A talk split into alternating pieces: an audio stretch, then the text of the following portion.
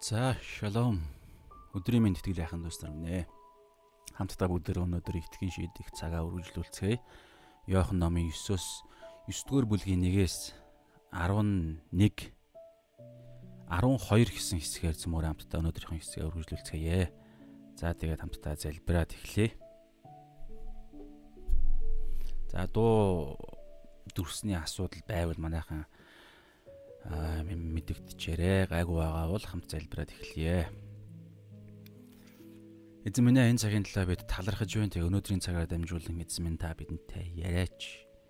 Ярих энэ харилцаанд сонсох дараа нь бас бид өөрсдөө хариу үйлдэл, хариу гаргах гэдэг энэ зүйл сонсох, ярилцах гэдэг энэ зүйл байж иж яг ярилцлага болдог эзэн. Тийм учраас өнөөдрийн та бидний ярилцсан цаг байх болтугай зэ. Энэ сонсож байгаа хүн болон тантай ярилцсан хувийн цаг байх болтугай зэ. Энэ нь ойлгосон зүйлээ амьдралдаа хэрэгжүүлж оюун бодлоо шинжлэх бидний хариу үйлдэл билээ зэ. Тэг ариун сүнс таньдаа энэ цагийг даатхан залбирч байна. Амен. За а За зин манай миний компьютерийн десктоп дээр юу н орж ирэхгүй байгаа даа байхгүй юу? Компьютерийн лайв лайвынх нь дүрсэн. Тэгэхээр лайв явж байгаа байгаа. Ганцаараа яваад байгаа юм биш үү? Ямар ч байсан бол лайв эхэлсэн гэсэн л статус зааж байна. Тэгээд хамт байгаа хүн байвал байна гэд хэлчихвэл бас талархах шүү. За зөвмөр хамтдаа өнөөдрийнхэн хэсгийг уншаад эхлэе. За тэгэхээр өнөөдрийн хэсэг бол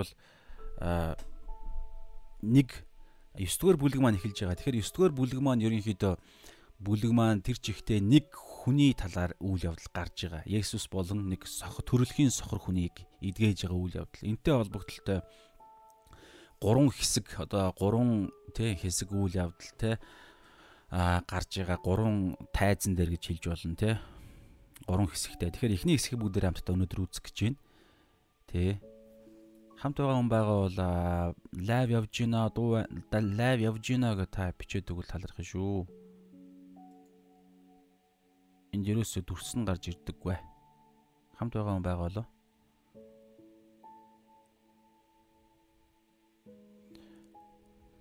За за за.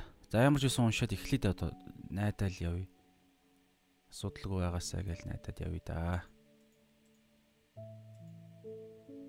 Би нэг утсаараа юу хийж байгаа байхгүй веб камерынхаа камерыг утсаа болгоод тэгээ утсаараа бас хийж байгаа. Тийм болохоор аа яг хэн чадахгүй байна дүрс нь байгаагаас л гэж найдаж байна да. За за унши унши унши. Бүр болохгүй бол тэгээд YouTube дээр бас тавигддаг юм чинь. Энэ талд л асуудал байгаасаа гэж найдаж байна. За уншлаа. Төрөлхийн сохор хүнийг идгээв. Йохан 9:1-ээс 12. Есүс явж өнгөрөхдөө төрөлхийн сохор хүнийг харжээ. Шавнар нь түүнээс "Раби, хэн нүгэл үйлцснээс энэ сохор төрсөн юм бэ? Энэ өөрөө юу эцэг их нү?" гэж асуусанд Есүс Энч эцэг эхэнч нүгэл үйлснээс болоогүй. Харин энэ бол Бурхны үйлсийг түүгээр харуулахын тулд юм гээд тулд юм. Намаа намайг илгээгчийн үйлсийг би өдөр байхад хийх ёстой. Хинч ажиллаж чадахгүй шүн ирж байна. Би ертөнцид байгаа үедээ ертөнцийн гэрэл байна гэж хариулв. Ингиж хэлээд тэр газар нүлэмж шүлсээрээ шавар зуурч сохрын нүдийг шавраар шаваад яв Силоамын орчуулбал илгээгдсэн цөөрөмд угаа гэв. Тэр явж угаагаад хараатай болоод эргэж иржээ. А зүгээр байна гэж. За баярлаа. 8 дугаар ишлэл. Урд түүнийг гуйлахчин байсныг харсан хүмүүс болон хөршүүд нь эн чин гуйлгууж байсан гуйлгууж суудаг нөгөөх биш үү гэхэд зарим нь тэр мөн байна гэцгээ бусд нь үгүй ээ түүнтэй төстэй юм байна гэсэнд тэр өөрөө тэр чин би байна гэж хэлв. Тэд түүнээс тэгвэл нүд чинь яаж нэгдсэн юм бэ гэж асуусанд тэр Есүс гэдэг хүн шавар зуурч нүдийг минь шаваад надад Силом руу яваад угаа гэж айлцсан. Тэгээд би явж угаагаад хараатай болсон гэж хариулв. Тэд тэр хаан байна гэсэнд тэр би мэдэхгүй гэлээ. Амен. За өнөөдрийн хэсэг бол энэ. Аа тэгвэл одоо өнөө 9 дугаар бүлэг тэр чигээр дуусан дуустал яг энэ хүнтэй холбогдлолтой үйл явдал гарна. Энэ хүнээр дамжуулж болж байгаа үйл явдал. Тэгэхээр эхний хэсэг ямар ч байсан бүгдээр өнөөдөр үзээд явъя те. За тэгэхээр аа өмнө нь юу болсныг бүгдээр мэдээж санаж байгаа илүү дээ те. Өмнө нь ерөнхийдөө 8 дугаар бүлэг тэр чихтэй би нэг товчхон дүгнэх юм бол 8 дугаар бүлэг дээр яаж байгаа вэ гэхээр аа Фарисеучуд хуулийн багш нар нөгөө Есүсийг барьж, Есүсийг буруутгаж, устгаж, замаасаа зайлуулах аюулыг холдуулахын тулд өөрсдөөсөө зайлуулахын тулд өөр арга хэрэглээд завхарж байгаа баригдсан эмэгтэйг авчираад тэгээд нэг занг тавьсан. Тэнд Есүс Христ мэрэгүн ухаанаараа ямар ч гимүүлэхгүйгээр ямар ч тэдний занганд нь оролгүйгээр тэр эмэгтэйг өршөөдөг, тэр эмэгтэйг уучилдаг, тэр эмэгтэй уушлагддаг Тэгээ тэр эмэгтэйгийн хариу итгэлийн үйл явдал гарч байгаа. Тэгээд өөрийгөө ертөнцийн гэрэл гэж хэлж байгаа 8:12 дээр ертөнцийн гэрэл. Тэгээ ингийн иймэрхүү байдалтай байх үед яаж байгаа гэхээр хүмүүс түүнд итгэж байгаа. Түүний үйлдэлсэн гайхамшиг гэдэг харсан, түүний өршөөл инрэл, түүний өөрийгөө хэрхэн номлож байгааг хараад итгэсэн. Тэгээд тэр итгэлийнх нь итгэлийн хариуд нь Есүс яаж байгаа вэ гэхээр өөрт нь итгэсэн хүмүүсүүдийг дахиад нэг зүйлээр шалгаж байгаа. Нэг дараагийн төвшний тэр нэг зүйлийг гаргаж иж тавьж байгаа. Тэрний бидний үтсэн жинхэнэ дагалдагч гэдэг хэсэг байгаа. Ром Йох 8. Тэнд та нар надад итгэж намайг үнэхээр дагах дагаж амьдрах байгаа бол миний хэлсэн үгийн дагуу биелүүлж амьдр. Үгийг минь биелүүлж үгэнд минь дуулууртай амьдралаар амьдраа. Тэгвэл та нар чөлөөлөгдөнө гэж хэлэх үед чөлөөлөгдөнө гэдэг энэ үгээс болоод юдэчүүд ерөнхийдөө бүдэрч бид Авраамийн удам гээд бид ямар ч боочлогдож байгаагүй байгаагүй бидэнд чөлөөлөгдөх ямар нэгэн шалтгаан байхгүй ямар нэгэн тийм бид боол бишээ гэж хэлэх үед Есүс Христ а яг бодит үннийг нь тэд нар шууд хатуухан хэлж те гим нүгэл түүнд л итгэснээрээ цорын ганц дээр аврал яригдана хэрвээ итгэхгүй бол Авраамийн удамч вэ хинч вэ аврал байхгүй нүгэл дотроо өгөх болно гэж хэлээ. Тэгээд бүр сүлдээ Авраамаас би Авраамаас ч өмнө байсан. Авраам миний баяр, миний энэ өдрүүдийг, миний энэ хийж байгаа энэ үйл явдал сайн мэдээ, тэ сайн мэдээний үйл явдал энэ иш үзүүлгийн хэрэгжүүлэлтийн энэ өдрүүдийг Авраам хүсэн хүлээж исэн. Тэгээд сүнсээрээ хараад баярлсан. Би Авраамаас өмнө байсан гэдэг санаа хэлэх үед түүнийг алах гэж чулуу бариад түүн рүү дайрж байгаа үйл явдал болж байгаа. Тэгээд Есүс тэндээс холдоод өөрийнхөө замаар явсан. За тэгээд иймэрхүү үйл явдлын дараа болж байгаа өнөөдрийн хэсэг шүү. Тэгээд Есүс явж өнгөрөөд явж ихдаа явж өнгөрөхдөө төрөлхийн сохор хүнийг харсан байгаа нэгдүгээр ишлэл дээр. Тэгээд хоёрдугаар ишлэл дээр шавнар нь асуусан. Багшаасаа раби, раби буюу багшаа хэн нүгэл үйлдснээс энэ сохор төрсөн юм бэ? Энэ хүн өөрөө юу эсвэл эцэг хийх нь гим нүглээс болсон уу гэж асууж байгаа. Тэгэхээр би зүгээр ингээ бодоход энэ тэр хүнийг мэдээж олон сохор хүмүүсүүдийг Есүс идгээсэн. Янз бүрийн сохор те чөтгөр шүглсэн сохор хүнийг ч идгээсэн хэлгүү бас янз бүрийн хүмүүсийг идгээсэн. Тэгэхээр өнөөдрийн энэ үйл явдал дээр төрөлхийн сохор гэдэг нэг юм арай өөр байдал гарч ирж байгаа байхгүй. Тэгээд би зүгээр бодоход нэгдүгээр ишлэл дээр төрөлхийн сохор хүнийг хараад гэж тэгж байгаа. Тэгэхээр төрөлхийн сохор хүн ялгаатай харагддггүй эсвэл а та дараа нь харах юм бол энэ 8 дээр хар та 8 дугаар ишлэл дээр гацчлаа гинөө. За одоо миний энэ зүгээс бол одоо үнэхээр би одоо ямар нэгэн тохирхоо их боломжгүй байна. Тэгэхээр бүр болохгүй бол манайхан дуусныхын дараа та ингээ үсэх юм бол тэр гацалт нь байдгүй юм байлээ шүү. Яг ингээ бүрэн үздэг. Тэгэхээр та одоогийн байдлаар ингэж тэгсгээд үзэж байгаад хамт байж байгаа. Тэгээд дуусгаар нь яг бүрэн ихээр нь үзэж болно. Бас подкаст аудиог нь тавьж байгаа. YouTube дээр бас байнга тавигдж байгаа шүү. Тийм учраас боломжууд байгаа. За ямар ч үсэн би бол энэ зүгээс энэ талаасаа би ингэж аа өөр надад хийх зүйл байхгүй учраас явдгаараа явжий. Тэгэхээр аа заашгүй дээ. Тэгэхээр яаж байгаа вэ гэхээр ингэж байгаа. Та 8 дугаар ишлэгийг харах юм бол урд нь түүнийг гуйлагчин байсныг нь харсан хүмүүс гэд. Гуйлагчин байсан байгаа даа байхгүй. Тэгээд та бүр дараагаар нь тэг эдгэрлийн тухай байцаав гэдэг энэ хэсэг дээр харах юм бол ээж аав нь бас байсан. Байж байгаа ээж аавтайгаа гэр бүл. Тэгээд а нас би гүйтсэн ир хүн байсан байгаа даа байхгүй. Тэгэхээр гуйлахчин гэдгээс нь бүгдээр би зүгээр над бодогдоход бодогдоход нэг ийм бодол төрж байгаа. Нэгдүгээр ишлэлдэр ингэсэн шүү дээ. Есүс явж өнгөрөхдөө төрөлхийн сохор хүнийг харжээ. Тэгэхээр сохор хүнийг хүн хараад энэ хүн төрөлхийн сохор байна эсвэл олдмол сохор байна гэдгийг мэдэх боломжтой юу үгүй би үнэхээр мэдэхгүй байна. Тэгэхдээ би баримжаагаар боломжгүйг санагдаж байгаа. Яаж мэдэх вэ? Тэгэхдээ Яагаад энд нэгдүгээр ишлэл дээр хараа төрөлхийн сохор гэдгийг нь мэдж байгаа вэ гэхээр дамаа Есүс харсан бол зөвхөн Есүсийн мэдэрсэн чадвараараа одоо бурхан учраас тэр бүгдийг хардаг, бүгдийг мэддэг чадвараараа мэдсэн бай боломжтой байж болох ч гэсэн энд шавнар нь хүртэл харсан байгаа даа байхгүй хоёр дээр шавнар нь түүнээс раби хин нүгэл үйлснээс энэ энэ сохор төрсөн юм бэ гэд. Тэгэхээр нэг юм тодорхой мэдэгдэх юм байсан байх магадaltaй байсан байж хараад байгаа. Тэрийг би зүгээр гаргаж ирэхэд гуйлах чинь байсан. Тэгэхээр магадгүй зүгээр тухайн үед ямар байдлаар гуйлахгүй дүү байсан мэдэхгүй. Одоо бол ингээд өмнө лоозон тавьчихдээ шүү дээ. Ингээд тайлбар хийгээд за би ингээд цэрэгт яваа дайнд ороод хөл гаргаа болцсон юм аа. Аа ингээд ажил хүмүүс намайг ажилд авахгүй байна. Та бүгд ингээд би хүүхэдтэй юм аа ингээд туслаараа маслаараа гэж тайлбар биччихдэг. Тэрэн шиг магадгүй доор нь еврейгээр арамайгаараа те би төрөлхийн сохор хүн юм а надад буян болж надад туслаач муслаач мөнгө хайрлаач гэдэг тийм тайлбар байсан байх магадaltaй гэж би зүгээр таамаглаж байгаа хувьдаа ямар нэгэн судалгаа модлгаа бол байхгүй. Тэгэхээр ямар ч үсэн гэсэн тэгэл төрөлхийн сохор гэдэг нь тодорхой дараа нь ээж аав нь ч гэсэн ирээд фарисеучудад байцагдж байх үедээ тийм ээ миний хүү угаасаа төрөлхийн сохор энэ миний хүү мөн мөн төрөлхийн сохор байсан гэж хэлж байгаа. Тэгэхээр тодорхой. За хоёрдугаар ишлэл. Тэгээ шавнар нь асуусан асуулт их сонирх ёо маш чухал асуулт. Сонирхолтой бас асуулт. Раби буюу багшаа хэн нүгэл үйлснээс энэ сохор төрсөн юм бэ? Энэ хүн өөрөө нүгэл үйлдээд сохор төрсөн юм уу? Эсвэл эцэг их нүгэл үйлснээс болж сохор төрсөн юм уу гэдэг хоёр аа сонгох асуулт тавиад Иесуст хэлсэн. За энэ асуулт бол их сонирхолтой бас тий. Та боддоо төрөл төрөхтөө сохор төрсөн шүү дээ. Тэгэхээр тэдний асуултны сонирхолтой асуулт. Энэ хүн өөрөө нүгэл үйлдээд үйлдсэн учраас төрөхтөө сохор төрсөн юм уу? Сонирхолтой. Тэгэхээр төрөхөөс өмнө яаж нүгэл үйлдэх вэ? Гидсэндээ байхдаа нүгэл үйлдэх юм бах та. Тэ сонирхолтой асуулт.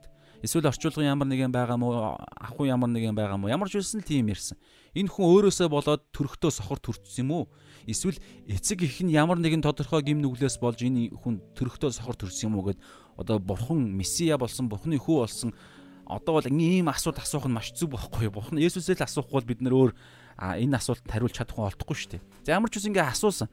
Тэгээ энэ дээр бас нэг ийм нэмэлт зүгээр мэдээлэл байгаа. Юу вэ гэхээр а Израильчууд ер нь Библийн дагуу Израилийн тэ ард түмэн а Библийн дагуу соёлтой Израилийн ард түмэн бол ерөнхийдөө нэг ийм үзэлтэй байсан гэдэг байгаа байхгүй юу? Гэхээр тодорхой нэг тийм биеийн гажиг та урдан санаж байгаа бол саа өвчтөө хүн байгаа те. Ингээд биеийн тодорхой төрөх төрхөөсөө ийм гажигтай төрсөн ямар нэгэн тийм биеийн гажиг одоо төрсний дараа ч гэсэн те одоо ийм гажигтай хүн байлаа гажиг би боллоо ямар нэгэн байдлаар гинт саад устдаг ч юм уу. Тэгэд тиймэрхүү нэг юм биеийн гажиг болон юм өвчнг Израильчууд юу гэж үздэг байсан бэ гэхээр тодорхой гим нүглээс болж яг тодорхой нэг гим нүглээс болоод энэ хүн өвдлөө ийм хараал шийтгэл гажуудлал олдлоо гэж ярьдаг байсан. Энийний маш том жишээ бол Йов ном шүү дээ бид нар мэднэ те.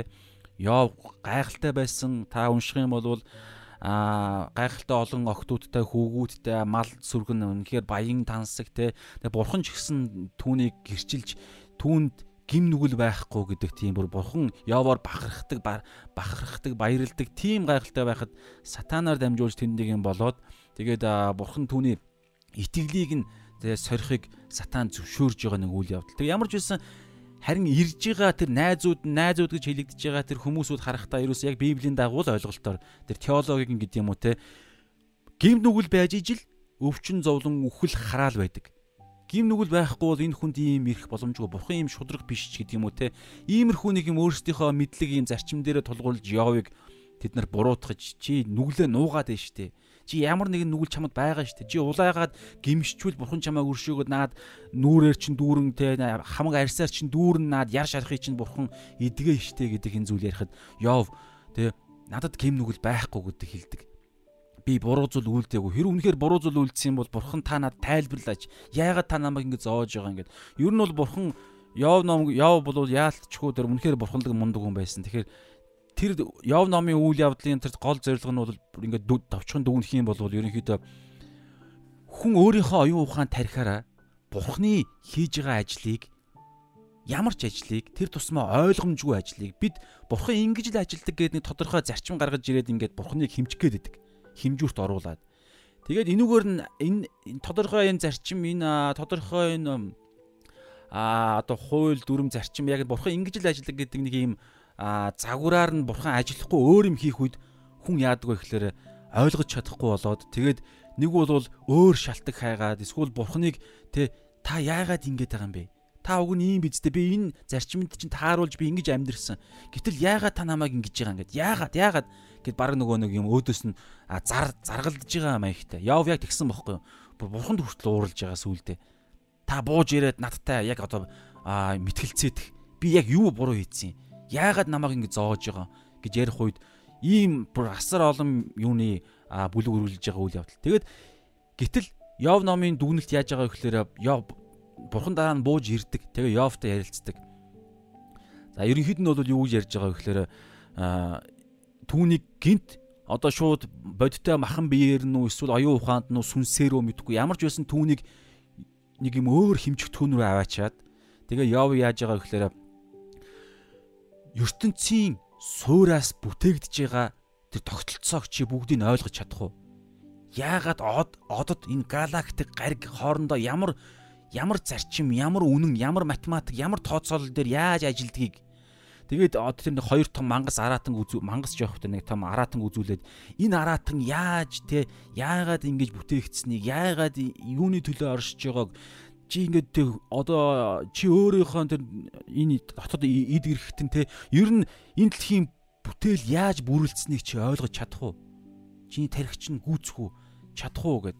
Тэгээ түүнийг бүр ингээд бүр ертөнцийн руу аваачих уу яв яадаг вэ гэхээр шууд өөрийнх нь тэр асуултууд нь ямар утгагүй ямар а аюултай асуулт асуулт гэдгээ ойлгоод яа даруусдаг. Тэгээ ерөнхийдөө тэгэл ерөнхийдөө явна баг өндөрлөдөг. Тэгээ даруусаад тийм ээ би үнэхээр тэгээ бурхан бурханаас би заргалддаг бурханаас би яагаад яагаад яагаад гэж асуудаг би хин бэ? Зүгээр нэг вар вар варчнаасаа варч нэг ийм амьд дээр ийм байхгүй шүү дээ. Гэхдээ иймэрхүү илэрлэлээр тэгээ вар жишээ нь варчнаасаа та яагаад намайг ингэж бүтээсэн? Яагаад шударгаас гэж хаана байна гэдэг нь ваарч нь шууд цохол хагалч нь үздэг. Ямар том дуурдаг ваар вэ? Хагалчи, шинийг бүтээчи. Ийм бүрэн эрх мэдэлтэй. Нэгдүгээр, хоёрдугаарт тайлбарлсан ч гэсэн ойлгохгүй. Тэр ваарнд чинь зөвхөн шавар тэгэл болоо. Шавар тэр одоо юу гэдэг би зүгээр ойлгохдоор ярьж байгаа шүү.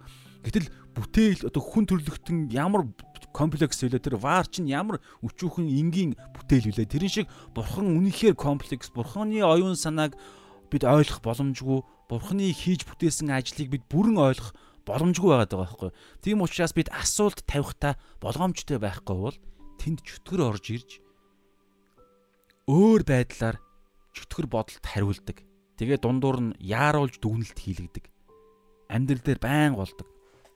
Тэгэхээр явдал ямар ч юм гардаг. Тэгэхээр би энд яг юу яриад ийш орж байгаа гэхээр аа Израильчууд тэр нөгөө нэг нүгэл үйл нүгэл үлдсэн учраас л ийм өвчин, гажиг, согог байдаг гэдэг тиймэрхүү а юутай байгаа байхгүй юу? Тийм нэг юм өөрсдийн үзэл бодолтой.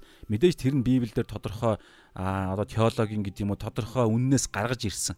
Гэхдээ байнга юм байдаг гэсэн бодолтой байгаа юм. Тэр ч утгаараа та одоо анзаарах юм бол шавнар нь хоёр юм тавьж байгаа зү. Хоёрдугаар ишлэл, хоёрдугаар ишлэл Иохан 9 юм. Энэ хүн нүгэл үйлцснээс энэ энэ сохор төрсөн юм уу? Эцэг гэх нүгэл үйлцснээс сохор төрсөн юм уу? Ерөөсө тодорхой ийм л хоёр юм хоёр юмны айд нэг л байгаа гэд асуусан чинь асуусан. Тэгтэл Есүс хариуд нь 3 дугаар эшлэл. Энэ хүнч эцэг ихэнч нүгэл үйлдснээс болоогүй. Харин энэ бол Бурхны үйлсийг түүгээр харуулахын тулд юм гэж байгаа гэж байгаа. Тийм. Гэхдээ би ингээд энэ талаар нэг жоох юм уншихад зарим нэг судлаач бол ингэж байгаа байхгүй юу? Тэр тэр хүний тэр пастрын тайлбартай бол би үнэхээр санал нэгдэж байгаа ер нь хардаа энэ 3 дугаар ишлэлээр 3 дугаар ишлэлээр Есүс шав нарынхны асуусан асуултанд шууд хариулт өгөөгүй байгаа даа байхгүй юу? Мэдээж хариулт өгсөн. Тэгвэл нэг тэдний хүсэж байгаа тайлбарт хүсэж байгаа тэр нэг ийм бодлоор би энийг асууж байна гэж байгаа тэр нэг хандлагад нь хариулаагүй. Зүгээр яг энд яг одоо энд болж байгаа үйл явдлыг Есүс шууд ингээд нэг юм сэдв өөрчлөн гэдэг шиг чиглэлийг шууд өөрчилсөн хариултыг Есүс хийсэн байгаа даа байхгүй юу? Уг нь бол та ийм асуулт ч тийм. Энэ хүн төрөхдөө энэ хүн сохор төрсөн яагаад сохор төрчихөж байгаа төрсөн юм бэ? Энэ хүн өөрөө өөрөөс нь болсон юм уу эцэг эхээс нь болсон юм уу? Тэгэхээр яг энэ асуултанд хариулах юм бол Есүс хариулал хариулахаар л байсан. Ерөнхийдөө бид нар ч гэсэн ер нь мэдчих боломжтой мэдж байгаа хүмүүс ч гэсэн байгаа. Юу вэ гэхээр маш тодорхой шүү дээ. Эхлэл номон дээр байгаа. Есүс ч гэсэн ингэж хариулж болох байсан. Одоо теологийн те өнгөрсөнд болсон үйл явдлаас ингэж Есүс зүгээр тайлбарлаад нэг цаашаагаа нэг энэ хүнийг ашиглаад тайлбарлчаал цаашаагаа ингэж аяллаараа явах зорилготой Өө энэ хүн ийм зоригтой юм аа ингээд ингэсэн тэгсэн. Тэр нь одоо жишээ нь юу вэ гэхээр анхны гим нүгэл ертөнцид үйлдэгдсэн. Гим нүглээс болоод ертөнцид үхэл орж ирсэн. Ром 5-ын 12 дээр байгаа байхгүй. За би уншия. Ром 5-ын 10 ер нь олон ишлэл байгаа. Олон газар байгаа. Би Ром олон газараас би Ром 5-ын 12-ыг нь уншаадах юм. А ингэж байгаа. Нэг хүнээр ертөнцид нүгэл нь нүглээр үхэл нь орж ирсэн байхад бүгд нүгэл үйлдснээр үхэл нь бүх хүнд иржээ. Адам Ева за аль ялгаа байхгүй. Евагаар гэдэг юм уу, Адамаар гэдэг юм уу? Адамаар нь л ярина л да. Адам гол буруутан байсан. Тэгэхээр Адамаар дамжуулж ертөнцид нүгэл орж ирсэн. Нүглээр дамжуулж үхэл орж ирсэн.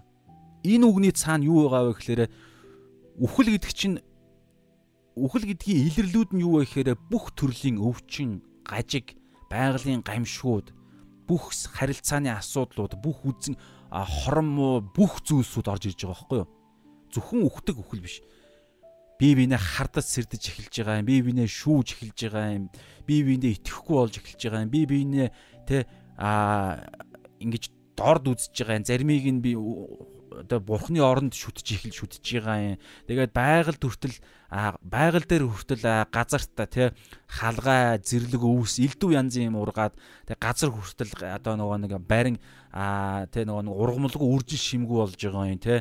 Тэгэл эмхтэй хүний өвдөлт хүртэл нэмэгдэж байгаа юм. Тэгээ үхдэг болж байгаа юм. Тэгээд хүүхэд үхэх а төрөхтөө нүгэлтэй төрдөг болж байгаа юм. Тэрэн дээр тэр тал дээр жишээ нь дуулал 51-ийн 5 дээр байгаа байхгүй юу? Юу гэж байгаа вэ гэхээр ингэж байгаа дуулал 51-ийн 5 дээр харах тун хилэнц дунд би төрж нүгэл дотор ихмэн намайг олж тээсэн. Энэ бол зүгээр л Давидын гашуудлын Давидын тийм гашуудлын дуу Бичаба руу орсныхын дараа Давид дээр иш үзүүлэгч Натан ирсэн үеийн Давидын дуулал гэж байгаа байхгүй. Яг гим нүгэл үйлцсэний дараа Давид ингэж дуулж байгаа. Дуулал 51 дээр харагтун хилэнц дунд би төрж нүгэл дотор ихмэн намайг олж тээсэн. Энүүгээр магтаа магтаал хүртэл байгаа шүү дээ тий. Таны нүднээс гэрэлтэх агуухайр гэд. Тэгэхээр нэг хүний гин нүглээс болоод ертөнцид үхэл үхэл гэдэг чинь асар олон байдлаар төрхтэй хүртэлх хүүхдүүд гин нүгэлтэй төрж байгаа юм.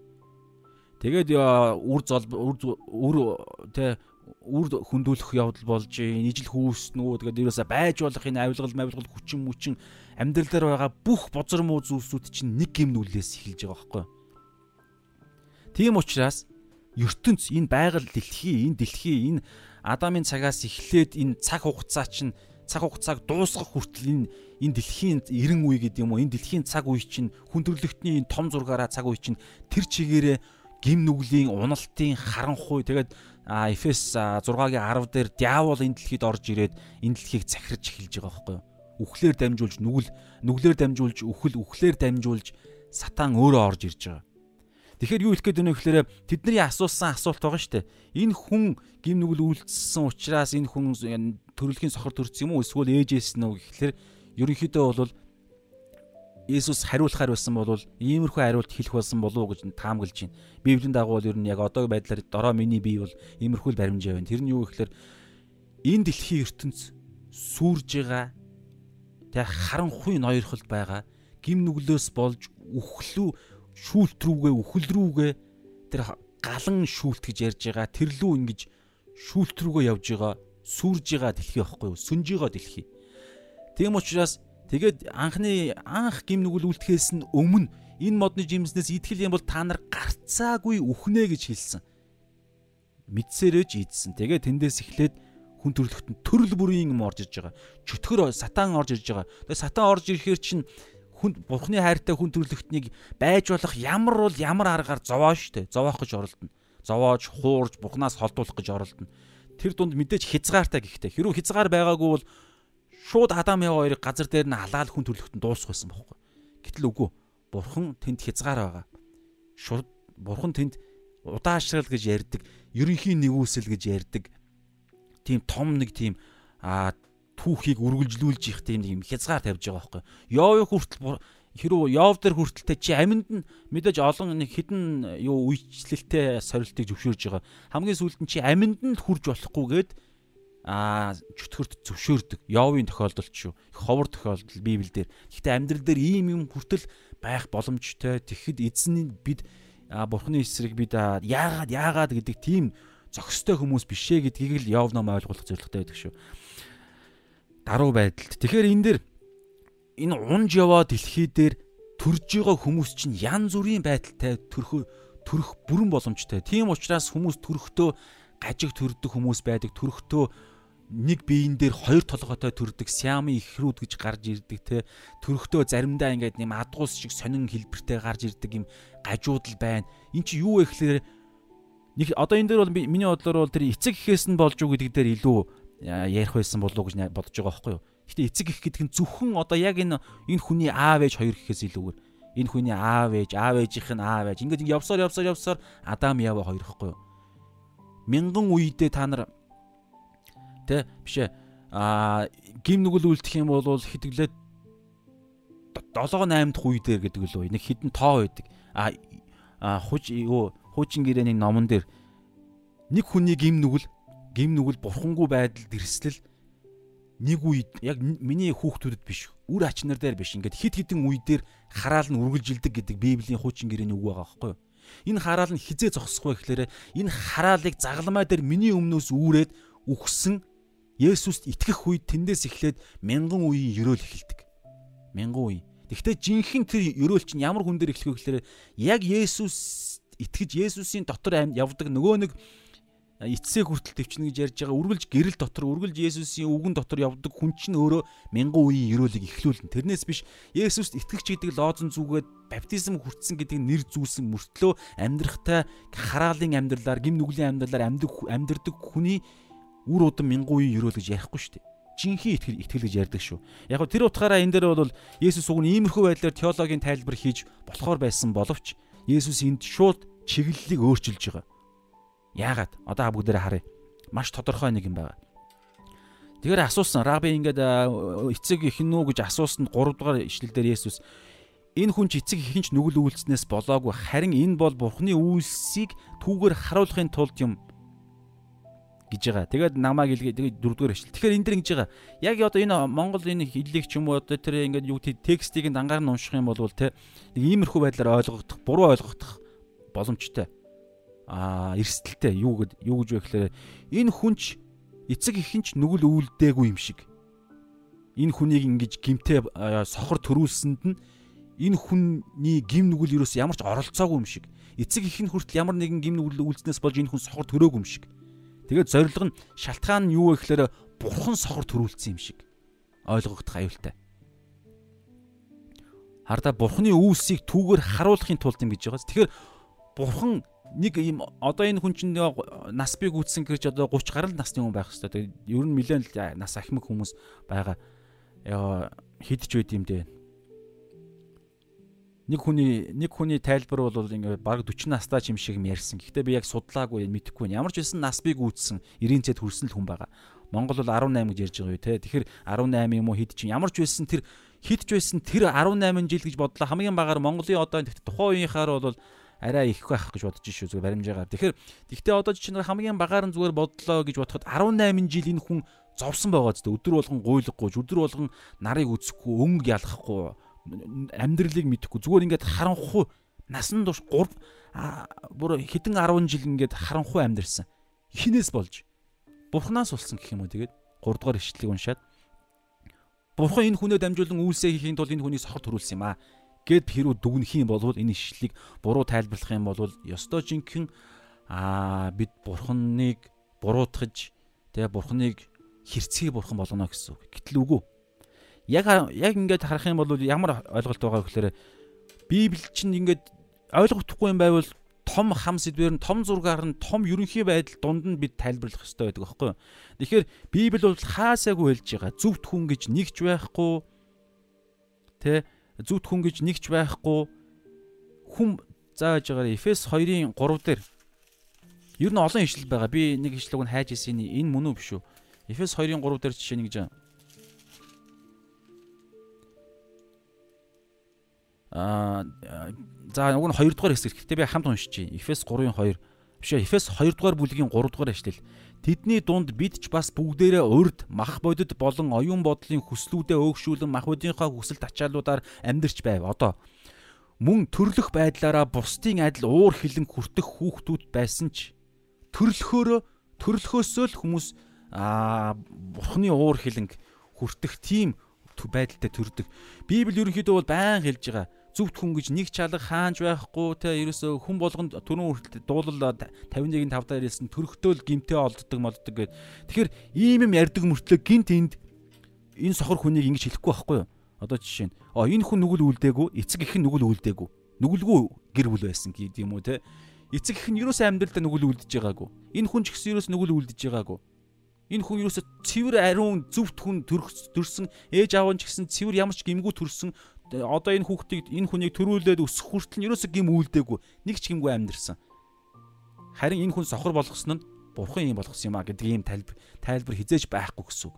Тийм учраас тэрэн дээр юм ярих ямар ч шаардлагагүй. Харин тэгтээ бид энийг юу гэж ойлгох вэ гэхээр энэ хүнийг 3 дээр ингэж штэ энэ нь ч эцэг ихэнч нүгэл үйлснээс болоогүй харин энэ бол Бурхны үйлсийг харуулахын тулд юм. Ерөнхий тайлбар бол түрүүний миний баахан тайлбарлсан тайлбар. Энэ хүн гим нүглэлээс болж, эцэг эхийнхэн гим нүглээс болж а гэхдээ энэ хүн энэ хүн төрөхдөө угаасаа гим нүгэлтэй төрсөн тэр нүгэл дунд нь ингээд янз бүрээр илэрдэг байдлуудынх нь нэг нь төрхөөсөө сохорыг төрсөн л баггүй юу. А тэгвэл энд Есүс юу ярьж байгаа вэ гэхээр яг энэ хүний хувьд өөр зорилгоор энд миний өмнө байна гэсэн санаа энэ хүний яасан ийс хамаа байхгүй. Одоо энэ хүний яагаад одоо хүртэл ингэ сохор байгаад яг одоо энэ хүн сохор энд бид нартэй таарлаж байгаа вэ гэхлээр надтай хамааралтай, Есүстэй хамааралтай гэсэн үг. Есүсийн төлөө энэ хүн энд ашиглагдах гээд энд байна гэсэн үг. Хэрвээ энийг ярихгүйгээр зүгээр л Есүс жирээгүй зүгээр жирийн өдрүүд үргэлжилжсэн бол энэ хүн зүгээр сохроороо сохроол ингээл цаашаа өгөх байхгүй юу? Ялгаа байхгүй. Бүх энэ нүглээсээ бол зовж байгаа хүмүүстэй адилхан. Гэхдээ энд энэ хүн яаж байгаа вэ гэхээр энэ хүний хувьд яг одоо энэ сохор байгаа байдал нь хаанчлалын маш өөр нэг зориг энэ хүнд одоо хэрэглэгдэхээр энэ хүнд бидний өмнө байна гэсэн үг. Ийм байдлаар ойлгосон нь маш зүв байгаад байгаа шүү. Тэгээд хэлж штэ 3 дээр харин бурхан бол харин энэ энэ бол бурханы үйлсийг энэ хүнээр харуулахын тулд юм а. За одоо англи хэл дээр бол King James дээр бол энэ хүний дотор бурханы үйлс илчлэгдэхийн тулд гэдэг бас үг байгаа шүү. Дотор нь энэ хүнээр дамжуулж энэ хүний амьдралаар энэ хүний энэ дорой байдал дотор нь Бурхны ажил үйлс илчлэгдэхийн тулд энэ хүн яг одоо энд ийм байдалтай одоо сохор байдалтай энд миний бидний өмнө байна. Энэ хүнийг Бурхан тэгж ашиглана л гэсэн үг. Энэ бузар муу гим нүглээсээ болж энэ сохор байгаа өвгдээдсийнх нь гим нүглээсээ болж цаашаа яваад Адам гэж байгаа шүү дээ. Энэ сохор байгаа энэ хүнийг Бурхан ингэж ашиглана гэсэн үг.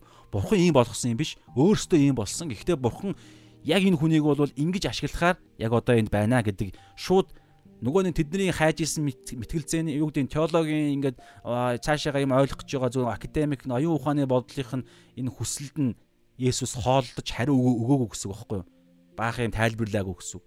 Шууд өөр нэг зүйл рүү чиглүүлсэн. Тэр нь одоо болох гэж байгаа үйл явдал 9 дугаар бүлэг дээр бүр цаашаага бүр асар олон өөр юм болж хувирж байгаа. Зөвхөн нэг энэ шамнырт нь хариулаад явж байгаа юм биш шууд тэгээ яаж байгаа гэхээр тэгээ ерөнхийдөө та ойлгоорой бурхны үйлсийг харуулахын тулд тэгэхээр бурхны үйлс гэдэг чинь ерөнхийдөө хоёр зорилгоор а илэрж байгаа үр дүн гарч байгаа байхгүй нэгдүгээрт Есүс Христийг те Месиа Бурхны хүү гэдгийг нь харуулах гэрч гэрч болж тэмдэг болох зорилготой. Йохан 5 дээр байгаа дөрвөн гэрч гэж ярьж байгаа. Тэрнийх нь хоёр дахь нь Есүсийг хийсэн үйлсүүд цаана ариун сүнсний хүч байгаа. Тэгэхээр нэгдүгээр тэмдэг болох зорилготой. Хоёрдугаарт гайхамшигыг хүлээж авсан хүндээ хүн цаашаага эргэн тойрондоо хөрштөө гэрч гэрчийг бий болгох зорилготой гэрчлэл үзүүлэх зорилготой тэр нь дараагийн багц хэсэг дээр гарна одоо энэ Йохан 9-ийн 13-аас за 34 дугаар хэсэг дээр эдгэрлийн тухай байцаав гэдэг энэ дээр Есүс юусоо байдаггүй. Есүсийн оролцоог байхгүй. Зөвхөн эдгээгдсэн хүн болон фарисеучуд, эдгээгдсэн хүний аав ээж гэдэг эдгэр хүмүүсийн дунд л баахан аа мэтгэлцэн одоо харилцан яриа болно. Есүс байхгүй. Харж уу? Тэгэхээр Есүс наан гайхамшиг үйлдэлээ гайхамшигыг хүлээж авсан хүн цаашаага Есүсийг ца бусдад гэрчилж ингэж а дараагийн юм руу орж байгаа зү. Тэгэхээр аа Бурхны үйлсийг түүгээр харуулахын тулд юм а гэдэг тэр үйлс нь Есүсийг ч гэрчлэн тэгээ Есүсийг Есүсийн ч төлөө байгаа тухайн үнэн ч төлөө байгаа гайхалтай олон олон талт хүч болдог. Тийм тэгэхээр харуулахын тулд юм хэн харуулахын Есүс л харуулахын тулд Есүсийн амьдарч байгаа цаг хугацаанд зориулагдаж энэ хүн энд одоо хэрэглэгдэж одоо тий сонгогдож байна гэсэн санаа. Тэр үнсээр бурхан тийм болгоогүй. За дөрөвдүгээр эшлэл намайг илгээгчийн үйлсийг би өдөр байхад хийх ёстой. Хинч ажиллаж чадахгүй шүн ирж байна. 5. Би ертөнцид байгаа үедээ ертөнцийн гэрэл байна гэж хариулв. За ингэж хэлээд эдгэж байгаа үйл явдал. Гэхдээ бүгдээрээ 4 5 дээр жоох ярилцсан. Тэгэхээр дөрөвдөр ингэж штэ. Намайг илгээгчийн үйлсийг би өдөр байхад хийх ёстой. Илгээгч нь хэн блэ? Бурхан аав. За Йохан 5-ын 19 дээр байгаа Есүс өөрөөсөө юу ч хийдэггүй зөвхөн эцгийнхаа үйлсийг л хийдэг. Тэгэхээр энэ дээр бол маш тодорхой хэлж байна те. А дөрөв дээр намайг илгээгч үйлсийг би өдөр байхад хийх ёстой. Харин хинч ажиллаж чадахгүй шүн ирж байна. За энэ дээр бол миний байдлаар бол ямар ойлголт байгаа вэ гэхээр ингэж байгаа штэ. А өдөр шүн гэдэг ойлголт ярьж гаргаж ирж байна Есүс те. Тэгээ энэ бол одоо энэ ажил ярьж байгаа. Ажил хийх гэдэг ойлголт. За яг Есүсийн хэлсэн зүйлээс наан бүгдээрээ нэг зүйлийг доо. Ажлыг бол дандаа өдрөл хийдэг, шүн хийдэггүй. Шүн хийхгүй, шүн физиологийн идэвхтэй байдал хүртэл шүн унтах цаг ёстой болдог, амрах хэрэгтэй болдог. Тэгжиж өдөр гэрэлттэй үед хүсч хүчтэй ажиллана. Тийм учраас шүн бол заавал хүн амардаг. Ажлын цаг хизээж шүн байхгүй. За мэдээж барилга барилга юм янз бүрийн шүнэ хийдэг ажлууд бол мэдээж байгаа. Тэд нар бол тэгсэн ч гэсэн унтах цагийг нь зүгээр тэр бол зүгээр зохицуулалт А ер нь бол байгалийн одоо нөхөн төрлөختний юм бол шүн ажиллахгүй шүү дээ. Өдөр л ажиллана. Юу хэлэх гээд гэхээр тэр өдөр нь гэхдээ ажлын цаг мөртлөө өдөр чинь нар мандаад жаргадаг шүү дээ. Хугацаатай. Байн өдөр байхгүй. Байнга ажиллаад яваад онож байхгүй. Нар манддаг цаг гэж байгаа, нар жаргадаг цаг цаг гэж байгаа. Ойролцоогоор нэг 12 цаг л үргэлжилнэ үсрээд өдрийн идэвхтэй цаг бол. Тэгэхээр Есүсийн хувьд одоо энэ хэлж штэ дөрөвдөр намайг илгээгч үйлсийг би Есүс би өдөр байхад хийх ёстой буюу яг одоо миний хийх аа хаанч шин гэрээ гэрээг байгуулах чуулганыхаа тэр чуулганаа эхлүүлэх те сатаныг ялах ялалтаа байгуулах. За тэгэнгүүтлээ те хуучин гэрээний иш үзүүлгүүдийг биелүүлэх за те ирээдүйд минийх болох хүмүүсүүдэд хэрэгтэй бүх зүйлийг энэ 33 гэдэг юм уу сүүлийн 3 жилийн дотор бүгдийг нь амжуулах хэрэгтэй байхгүй бүгдийг нь амжуулах хэрэгтэй.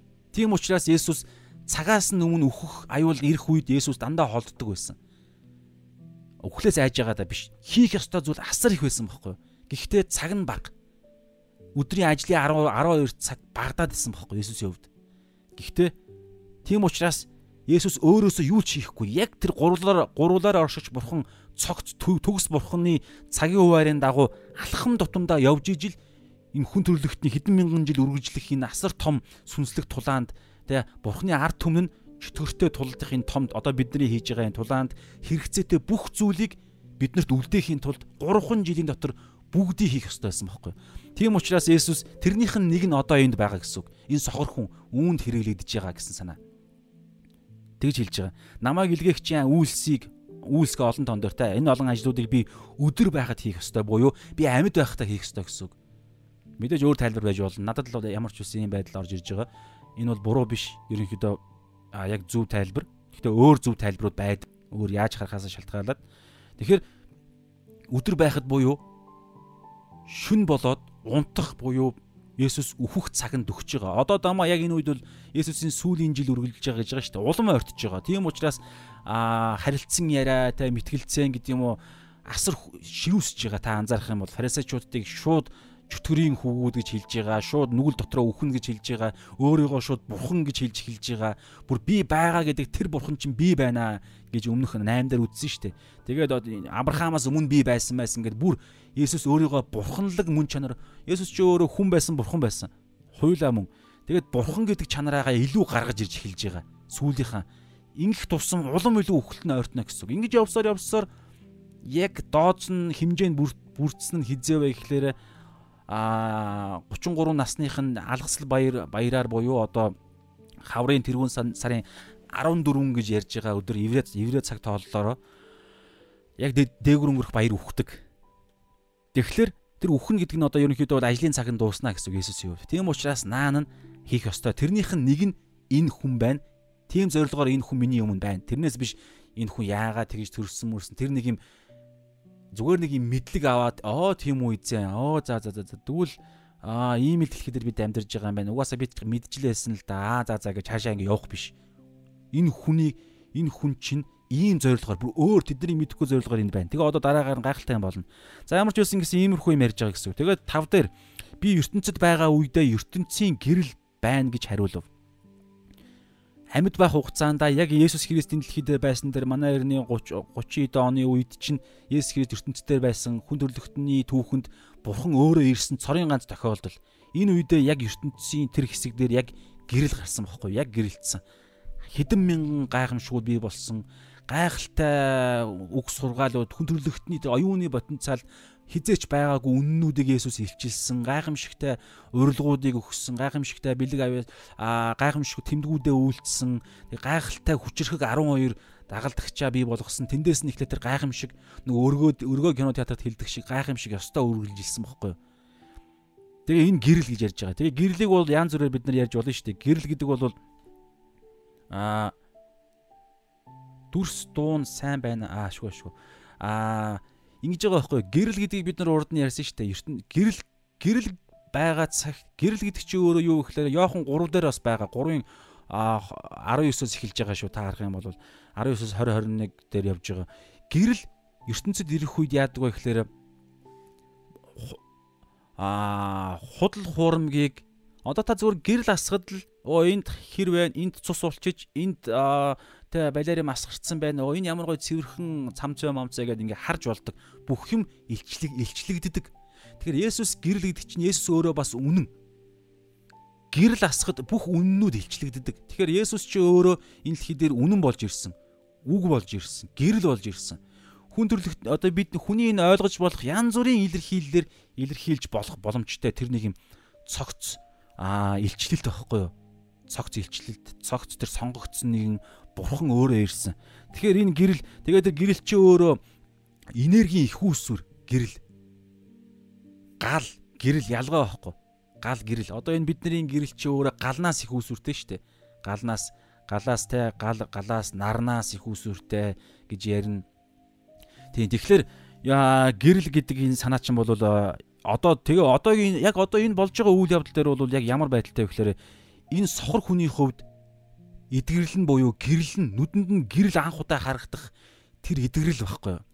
Энэ хүн насан туршдаа харанхуй амьдралаа амьдэрсэн. Тэгээд сэтгэл сүнс аль аль нь ялгаа байхгүй. Одоо тэгээд яг энэ хүний хувьд бол ингээд хүнд байгаа махбод сүнс сэтгэл аль алинд нь гэрэл асчих боломж одоо ирж байгаа байхгүй юу?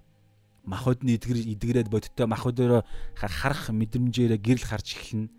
Тэгэхээр ирэхээр чин сэтгэл нь дагаад гоё а баяр хөөртэй аз жаргалтай та YouTube бичлэг мэтлэг үзэж байгаа нэг өнгө ялгадаггүй хүнд өнгө ялгах нүдний шил зүгүүд хүртэл хардаг мөртлөө өнгө ялгадаггүй төрөлхийн хүмүүс байдаг юм байна л да. Тэгээд бичлэг та үзэжсэн бол тийм нүдний шил зүүсэн чинь бүр олон бичлэг байгаа. Тэгээд нэг настай нэг өвөө байгаа байхгүй? Настай ахмад насны ах.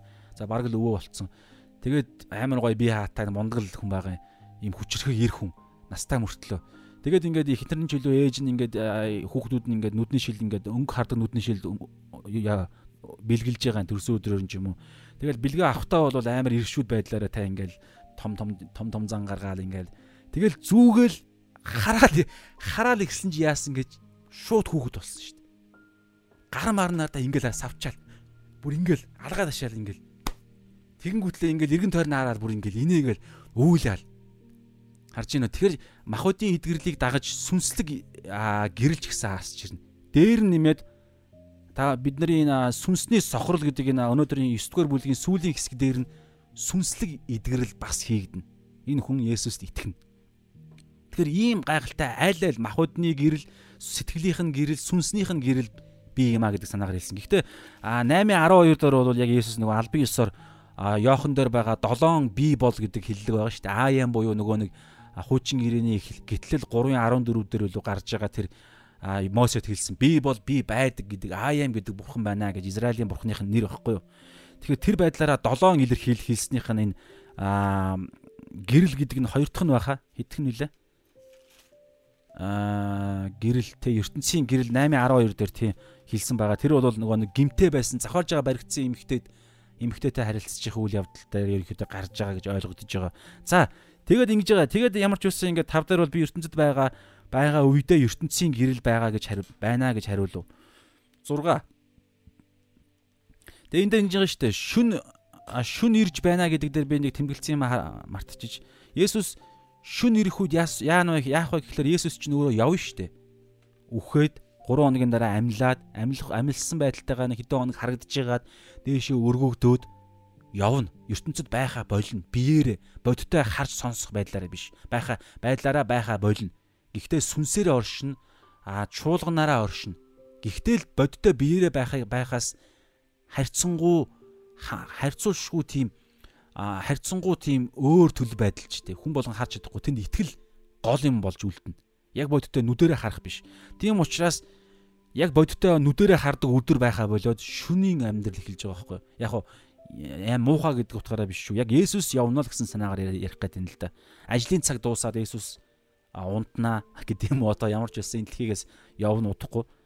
Есүс одоо яг энэ бодиттой байдал дээр бол ихтгэн сарын дараа бараг нэг 5 6 сарын дараа л ерөнхийдөө өөхөх цаг нь болох юм.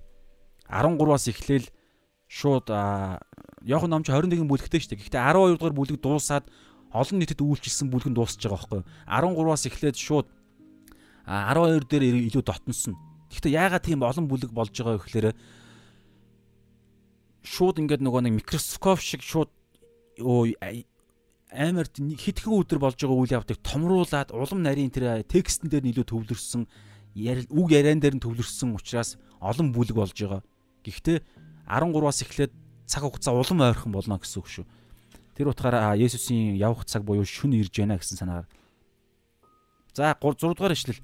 Ингиж хэлээд би ертөнцийн гэрэл байна. ертөнцид байхдаа би ертөнцийн гэрэл байна гэж хэлээд яа одоо энэ хүн дээр 6 дээр энэ хүний хүнд би одоо хэрхэн өөрийнхөө гэрэл гэдгээ би баталж харуулъя гэсэн санаа.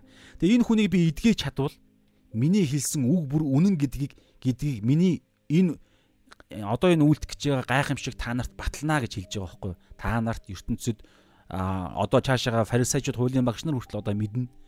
Тэгэхээр нөгөө нэг тэмдэг Йохан 5 дээр байгаа Есүсийг Месиа Бурхны хүү гэдгийг нь а гэрчлэх таван гэрч байгаа гэж ярьж байгаа тий баптист жоохон Есүсийн хийсэн үйлцэн гайхамшгууд тэр нь одоо энд нэг нь болох гэж байна.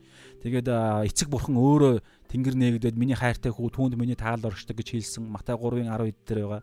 Тэгээд бичээс Библи бичээс хуучин гэрээний иш үзүүлгүүд бичээс өөрөө тэр чигээрээ Есүсийг Месиа гэдгийг нь батлах баахан иш үзүүлдэг тэмдгүүд хилдэг. Тэрийг нь бүгдийг нь Есүс 33 жилийнхаа амьдралд биелүүлсэн. Тийм учраас бас Есүсийг бурхан гэдгийг нь баталдаг.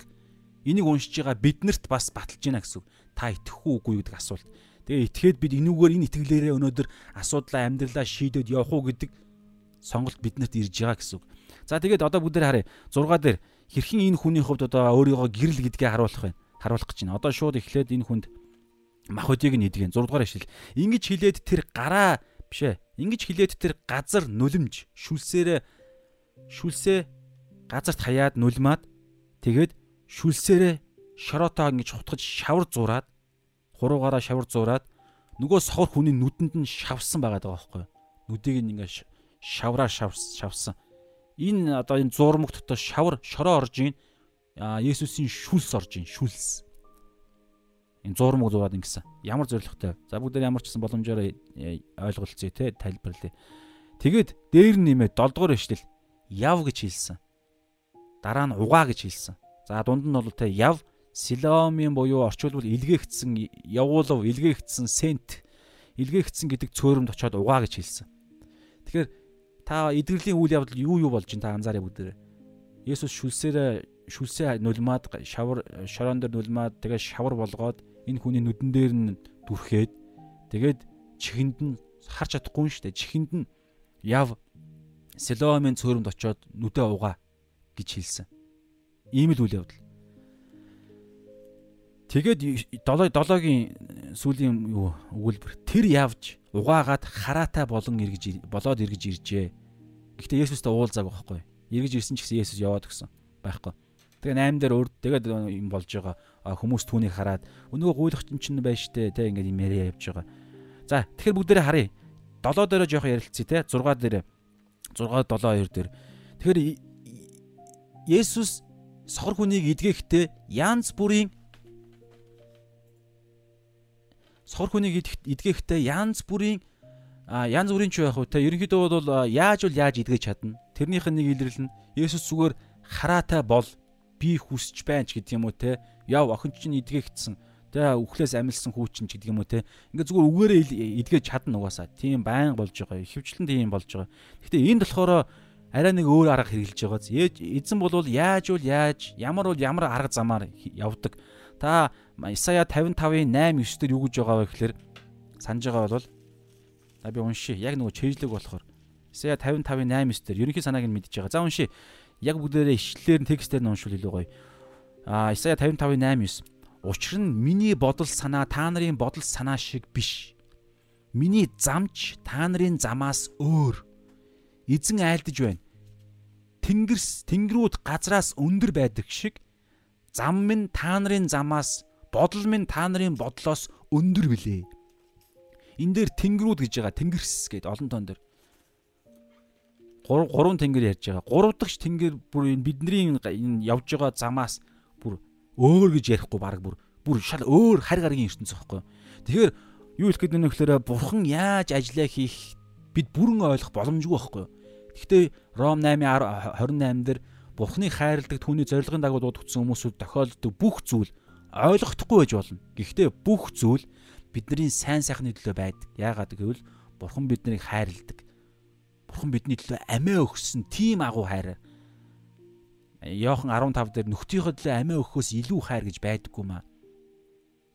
Хайр хайрдаа нү бусдын төлөө амиа өгдөг хайр чинь хамгийн агуу хайр хайр гэсэн санаагаар ярьж байгаа байхгүй. Гэхдээ хайртай хань ижлийнхаа төлөө үр хүүхдийнхаа төлөө биш.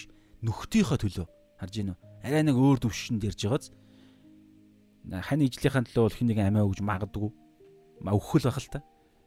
Гэхдээ зүгээр найз нөхдийнхөө төлөө амиа өгнө гэдэг чинь бүр өөр юм яриад байгаа сте. Өөр үнц нь ярьж байгаа сте тий.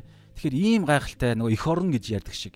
Тэгэхээр аа тийм гайхалтай бурхан учраас бид зүгээр ерөнхийдөө яаж дүгнэх хэрэгтэй вэ гэхээр амьдрал бидний амьдралд өнөөдөр ойлгохдохгүй янз бүрийн болдог. Өдөр болгон болж байгаа. Янз бүрийн юм. Тэгээд тэрийг бид нар ойлгох гэж оролдох нь оролдох тийм аа боломжтой бас нэг талаараа үүрэгтэй ариун сүнс байгаа. Библи байгаа. Библиэр дамжуулж бид а 90 үеэ те сүнсээ шалга гэж Коринтер хэлж байгаа энэ цаг үеийг ялгаж салгаж мэдгэж байгаа би бусдыг те а чонуу эсвэл хонуу гэдгийг ялгаж салах бид нар тийм шүүх ухаан хэрэгтэй.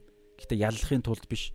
Гэхдээ энэ дунд бид чадахгүй тийм юм гарч ирэх байхгүй юу? Боломжгүй үе гарч ирнэ. Яаж ойлгож уншаад ойлгоо юу хараад ойлгож чадахгүй. Би яг эзний хүсэл эзний хүсэл гэдгийг би үнэхээр шалгаад мэдсэн мөн байсан. Би дунд нь яг сонор сэрэмжтэй те нэгдүгээр бид нар 5-ын 8 дээр хэлсэн дагуу үнэхээр эрүүл ухаантай сонор сэрэмжтэй би явж байгаад би үнэхээр зүв үлдсэн. Үр дүн үнэхээр сайхан байсан. гэдэг юм уу те эсвэл үр дүн үр дүн нь яагаад юм ухаан олчихвч гэдэг юм уу те. Яагаад гэд. Тэгээ хайгаад чадахгүй. Тэр үед магадгүй бид саяны те библи Йов номоор ч юм уу эсвэл ерөнхийдөө библийн хэлж байгаа санаагаар бол Тэгээд Исая 55-ын 8-9 хэлж байгаа энэ зүйлсүүдийг бид нар уншаагүй мдээгүй. Үүний цаана байгаа Бурхны мөн чанарыг эндээ Бурхны хилдэг зүйлийг бид ойлгоогүй тэрэн дуулууртай байдаггүй хүмүүс байвал мэдлэггүй байдлаасаа болоод тэнд чинь чөтгөр хүртэл орж ирээд худлаа дүгнэлт хийлгүүлэх магадaltaй байхгүй. Өө. Бурхан чамд нэг хайртай бишээ ч юм уу те. Эсвэл чи гимтэй болохоор ингэчлээ.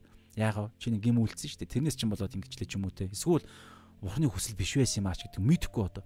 Тэгэхээр бид үргэлж сэрэмжтэй шалгаж явна гэхдээ бүх зүйл ойлгохдох боломжгүй гэдэг юм ярьж байгаа.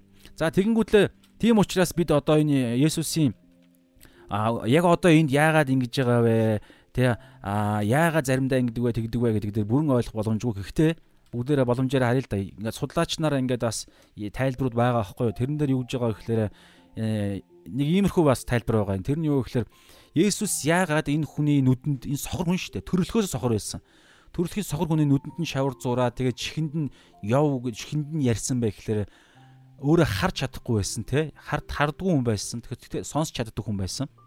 Тийм учраас чихэнд нь яв мов гэдэг юм хэлж байгаа юм. Дээр нь нэмээд а ерөнхийдөө бол иймэрхүү дүгнэлт байгаа байхгүй юу? Есүс яагаад иймэрхүү юм шавар мороор ингээд нэг юм процесс явуулж байгаа гэхээр энэ хүний эдгэрэлд Эдгэрэл нь ийм ийм процессор явагдаж эдгэрсэн юм а гэж тэр хүнд нь өөрт нь гэрчлэл болгох болгох гэрчлэл өгөх зориулт зориулттай. Дээр нэмэж энэ хүний эдгэрэлд өөрийг нь оролцуулах зорилготой гэж байгаа байхгүй? Зүгээр л эдгэргээ хилцсэн болвол те пүн гэл нүд нэчвэл амар гой баярлах байх л да. Гэхдээ шууд эдгэр гэж хэлэхээс өмнө Есүс наана нь шавар зураа, шүлсээрээ шавар зураа дүрхээд яв гэ. Тэгээ тэр хүн чинь өө тийм үү явах юм уу те. Гэхдээ яагаад та хэн блэ мэлээ гэдээ асуух нь уу, яах нь уу харж гинөө. Тэр хүний итгэлийг бас нэг талаараа шалгаж байгаа байхгүй юу? Итгэл итгэлийг нь оролцуулж байгаа. Шалгалт гэдэг зүйлийг та санаж байгаа бол альва шалгалт гэдэг чинь нэг тухайн үедээ хэцүү эвгүй байдаг боловч шалгалт хүнийг дандаа нэг шатанд ахиулдаг штеп. Шалгалт өгөөд шалгалт нь тэнцэх юм бол тэр хүн өөрийгөө мэддэг. Аа би энэ төвшний чадвартай юм байна. Энэ төвшний цаана би гарчлаа. Надад тэ би нэг ийм миний дотор өөрчлөлт гарлаа ч гэдэм үү те? Нэг юм ахдаг. Тэгэхээр энэ хүн Есүс энэ хүний хувьд итгэлийг нь эхний алхмыг хэлгүүлж байгаа байхгүй юу? Яв гэж хэлсэн. Тэгээд энэ хүн те? Оо хинбэ өөрөө? Яах гэж би явах вүлээ би угныг гуйлахгүй гэж ирсэн ингээл тэгвэл те?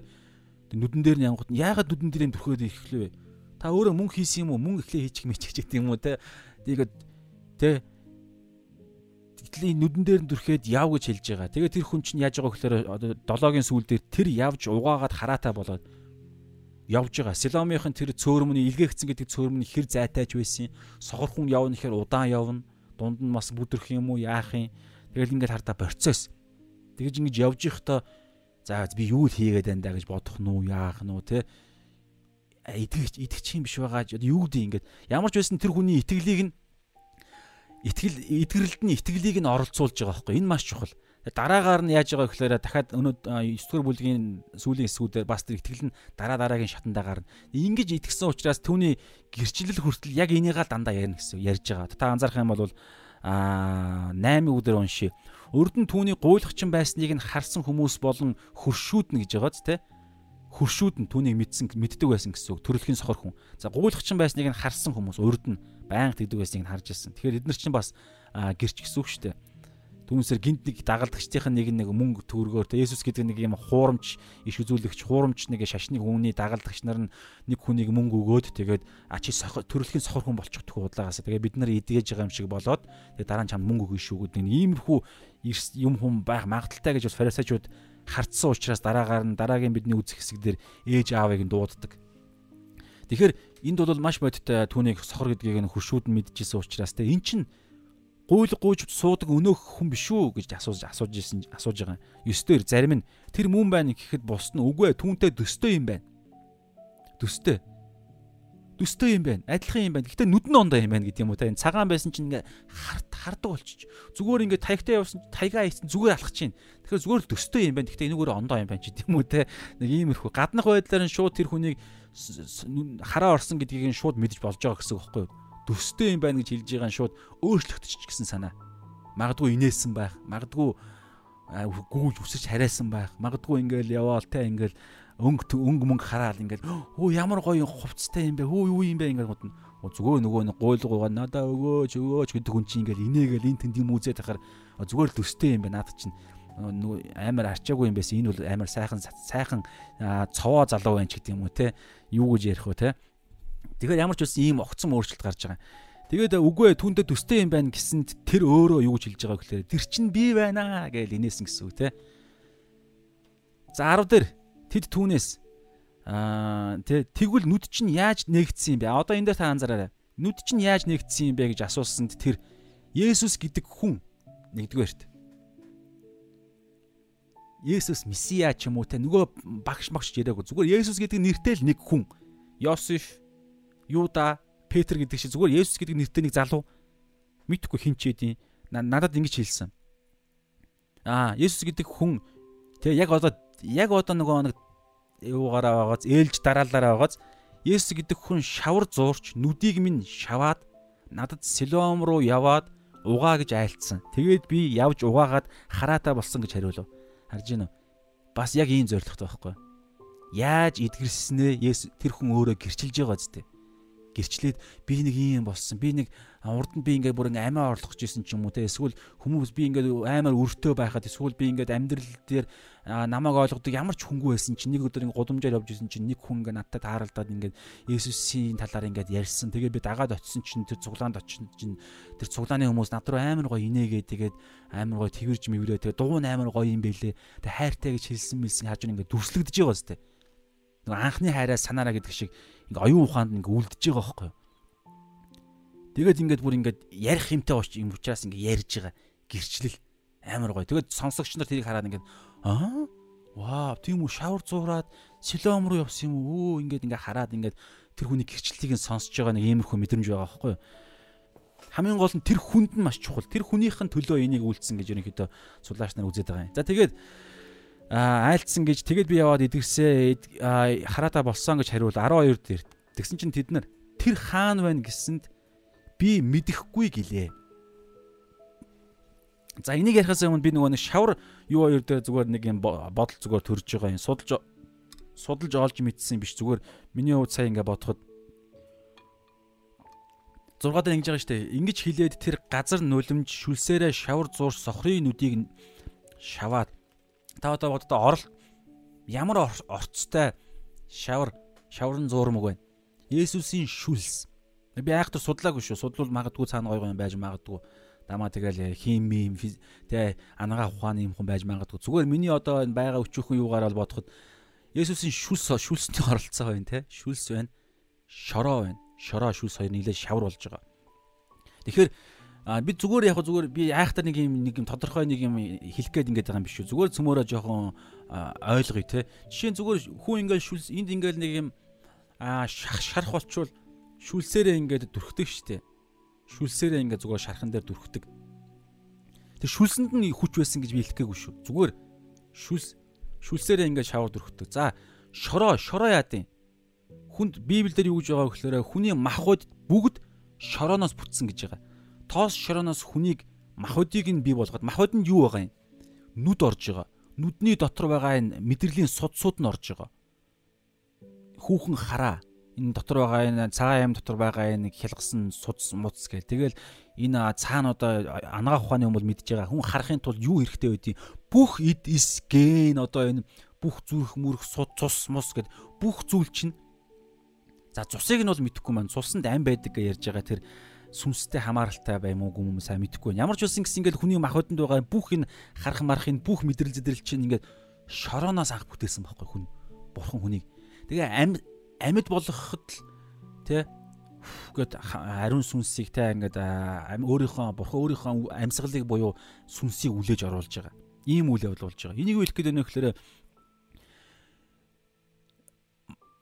зүгээр айхтар ингээд задлах нь ер нь бол нэг шаардлагагүй. Зүгээр яхад цөмөрөө бодоход зүгээр бодож үзэхэд сонирхолтой гэдэг утгаараа л хүний бас махбодийн махбодийн чинь 70% нь ус шттэ. Ус шүлс усуу мэдхгүй. Тэгтээ шингэн шингэн. Одоо жишээ нь ингээл те.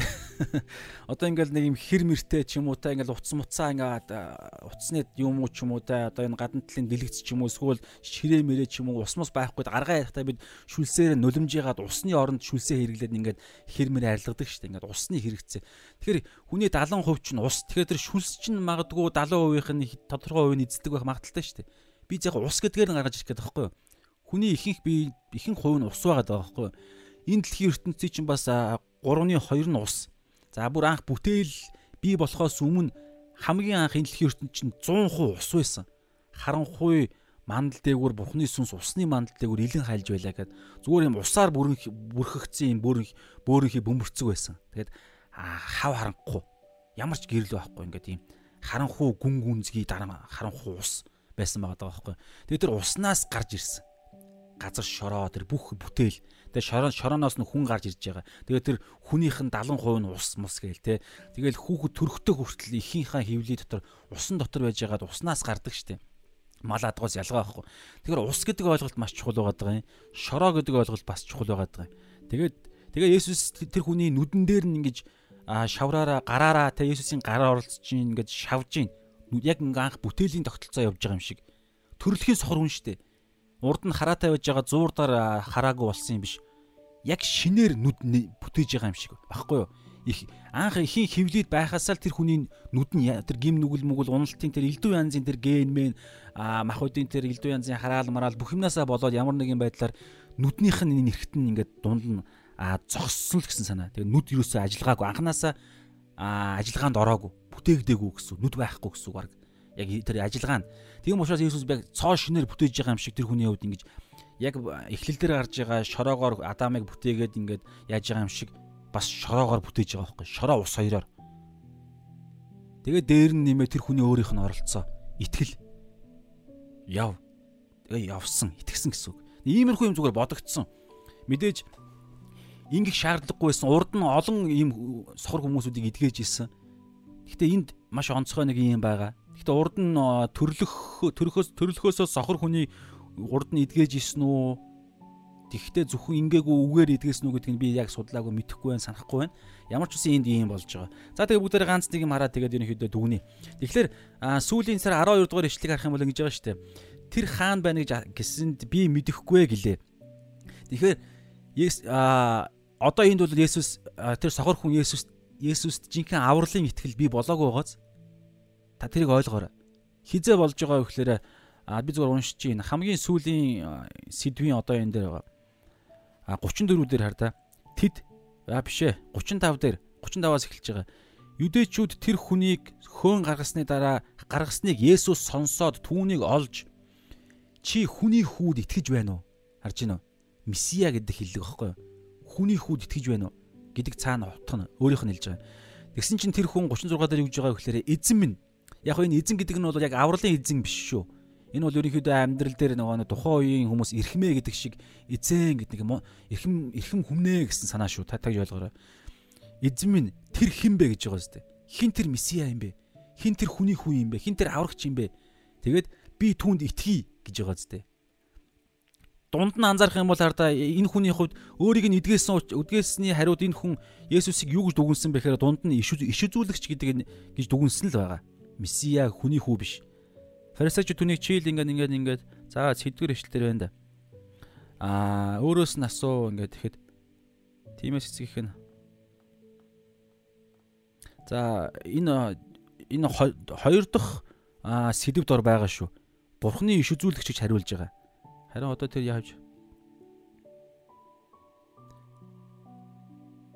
Мм За за цаг яваад байна а та олчаараа байгаа шүү. Тэгэхээр иш үзүүлэгч гэж зүгээр бодож ирсэн. Тэгээд зүгээр нэг иш үзүүлэгч яг Йохан шиг те нэг иш үзүүлэгч одоо яг одоо энэ дээр ингээд 35 дээр ингэж чи хүний хүүд итгэхийг хүсэж байна уу гэхэд а эзэн тэр чин хин юм бэ? Би түнд итгэе гэж байгааг та ойлгох юм бол ерөнхийдөө бол те оо та тэр хүнийг иш үзүүлэхээр тэр хүнийг та гэрчлэл хийж тэр хүнийг та бидэнд танилцуулахаар ирсэн юм уу те? Тэгвэл тэр хүн чи юм бэ? гэдэг байдлаар.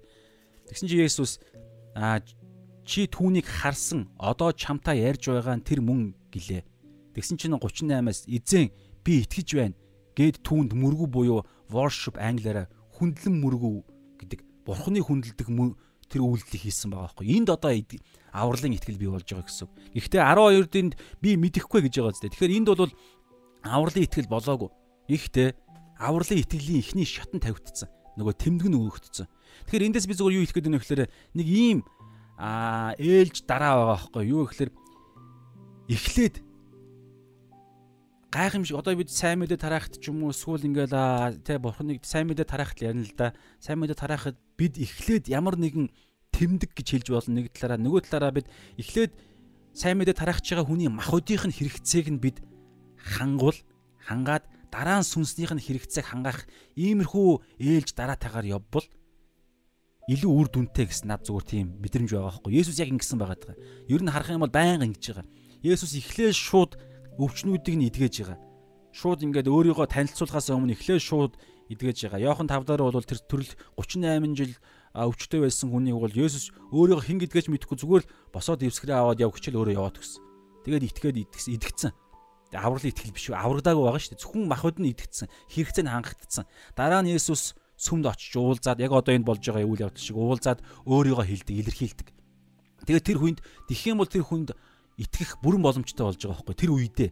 Тэгэхээр өнөөдөр ч гэсэн бид нэр одоо юу гэдгийг гудамжинд ч юм уу эсвэл хайртай хүндээ ээж аавдаа ч юм уу найз нөхөддөө сайн мэдээ тараах гэж байгаа бол эхлээд шууд аа сайн мэдээгээ тэр агуулга зүгээр ингээд сууж байгаа за та надад нэг 10 минутын цаг гаргаач гэж ягаал баах юм яриад тэгэл за та одоо итгэхгүй гэл итгэхгүй бол тэгэл баг өө яана ээж минь одоо ингээд эсвэл ээж минь ч юм аавт ч юм уу эсвэл энэ хүн одоо ингээд яана там руу явах юм байх та. Есүсийг итгэсэнгүй шүү дээ эн чинь аймаар нэг талаараа шудраг бус аахгүй нэг талаараа.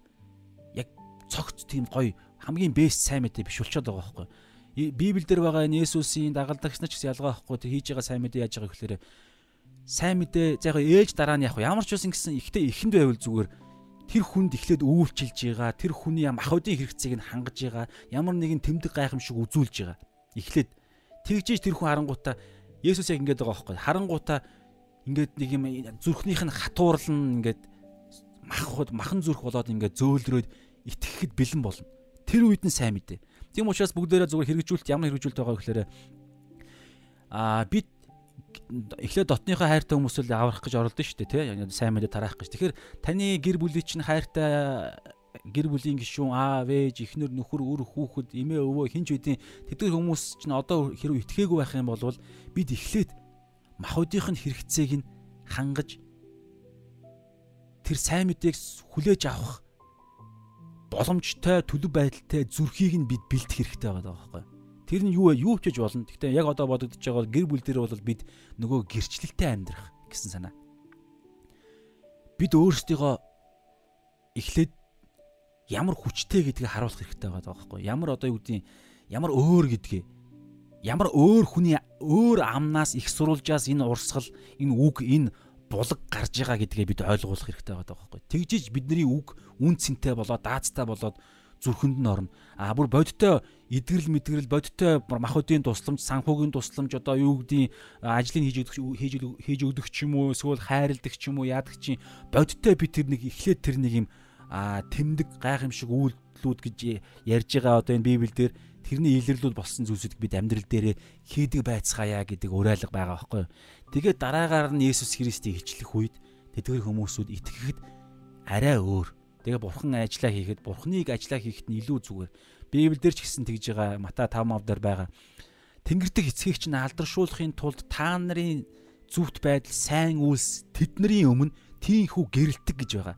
Зорилго нь тэдний өмнө энэ дэлхийн хүмүүсүүдийн өмнө харанхуй охид хөвгүүдийн өмнө бид сайн үйлсээ зүвт байдалтай гэрэлтүүлж гэрэлтүүлж харуулж байгаа зорилго нь Тэнгэрдэг эцгийг алдаршуулахын тулд Тэнгэрдэг эцэг хизээ алдарших юм? Зөвхөн Есүс алдаршсан тохиолдолд. Есүсийг тэр хүмүүс яаж алдаршуулах юм? Та бол миний амьдралын эзэн. Та намайг аварж яа. Миний бурхан минь гэж тэдгэр хүмүүсүүд өөрсдөө хэлсэн тохиолдолд Есүс алдаршина. Есүс алдарших юм бол Тэнгэрдэг эцэг алдаршина. Тэгэхээр энэний төлөө бид сайн үйлс хийнэ гэдэг байгаа байхгүй юу? Аа Матай 5-ын тэр хавцаа байгаа тэр нөгөө гэрэл давс гэдгийн а дараа нь хэдхэн ишлэлтэр байгаа шүү. Тэгээ бас Эфес 2-ын 10 дээр ч гэсэн байгаа. 8 9 дээр нь юу гэж байгаа вэ гэхээр тэгээ биднийг үнгүүгээр аварж үнгүүгээр нэгүүлслээр бид нарыг аварсан тэгээ бүх зүйлийг хангаж өгсөн.